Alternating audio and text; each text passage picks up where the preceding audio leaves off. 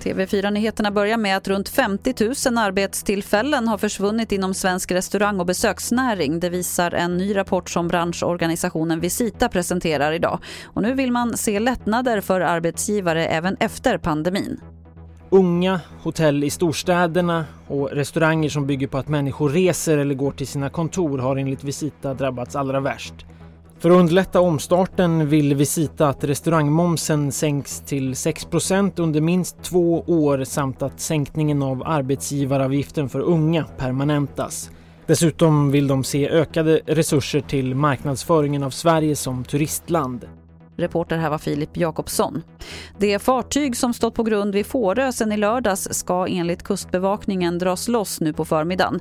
Under natten har en boxerbåt kommit dit och lots är beställt till klockan 10 nu. Om allt går enligt planerna tar boxeringen bara några minuter och Kustbevakningen ser inga större risker för varken fartyg eller miljö.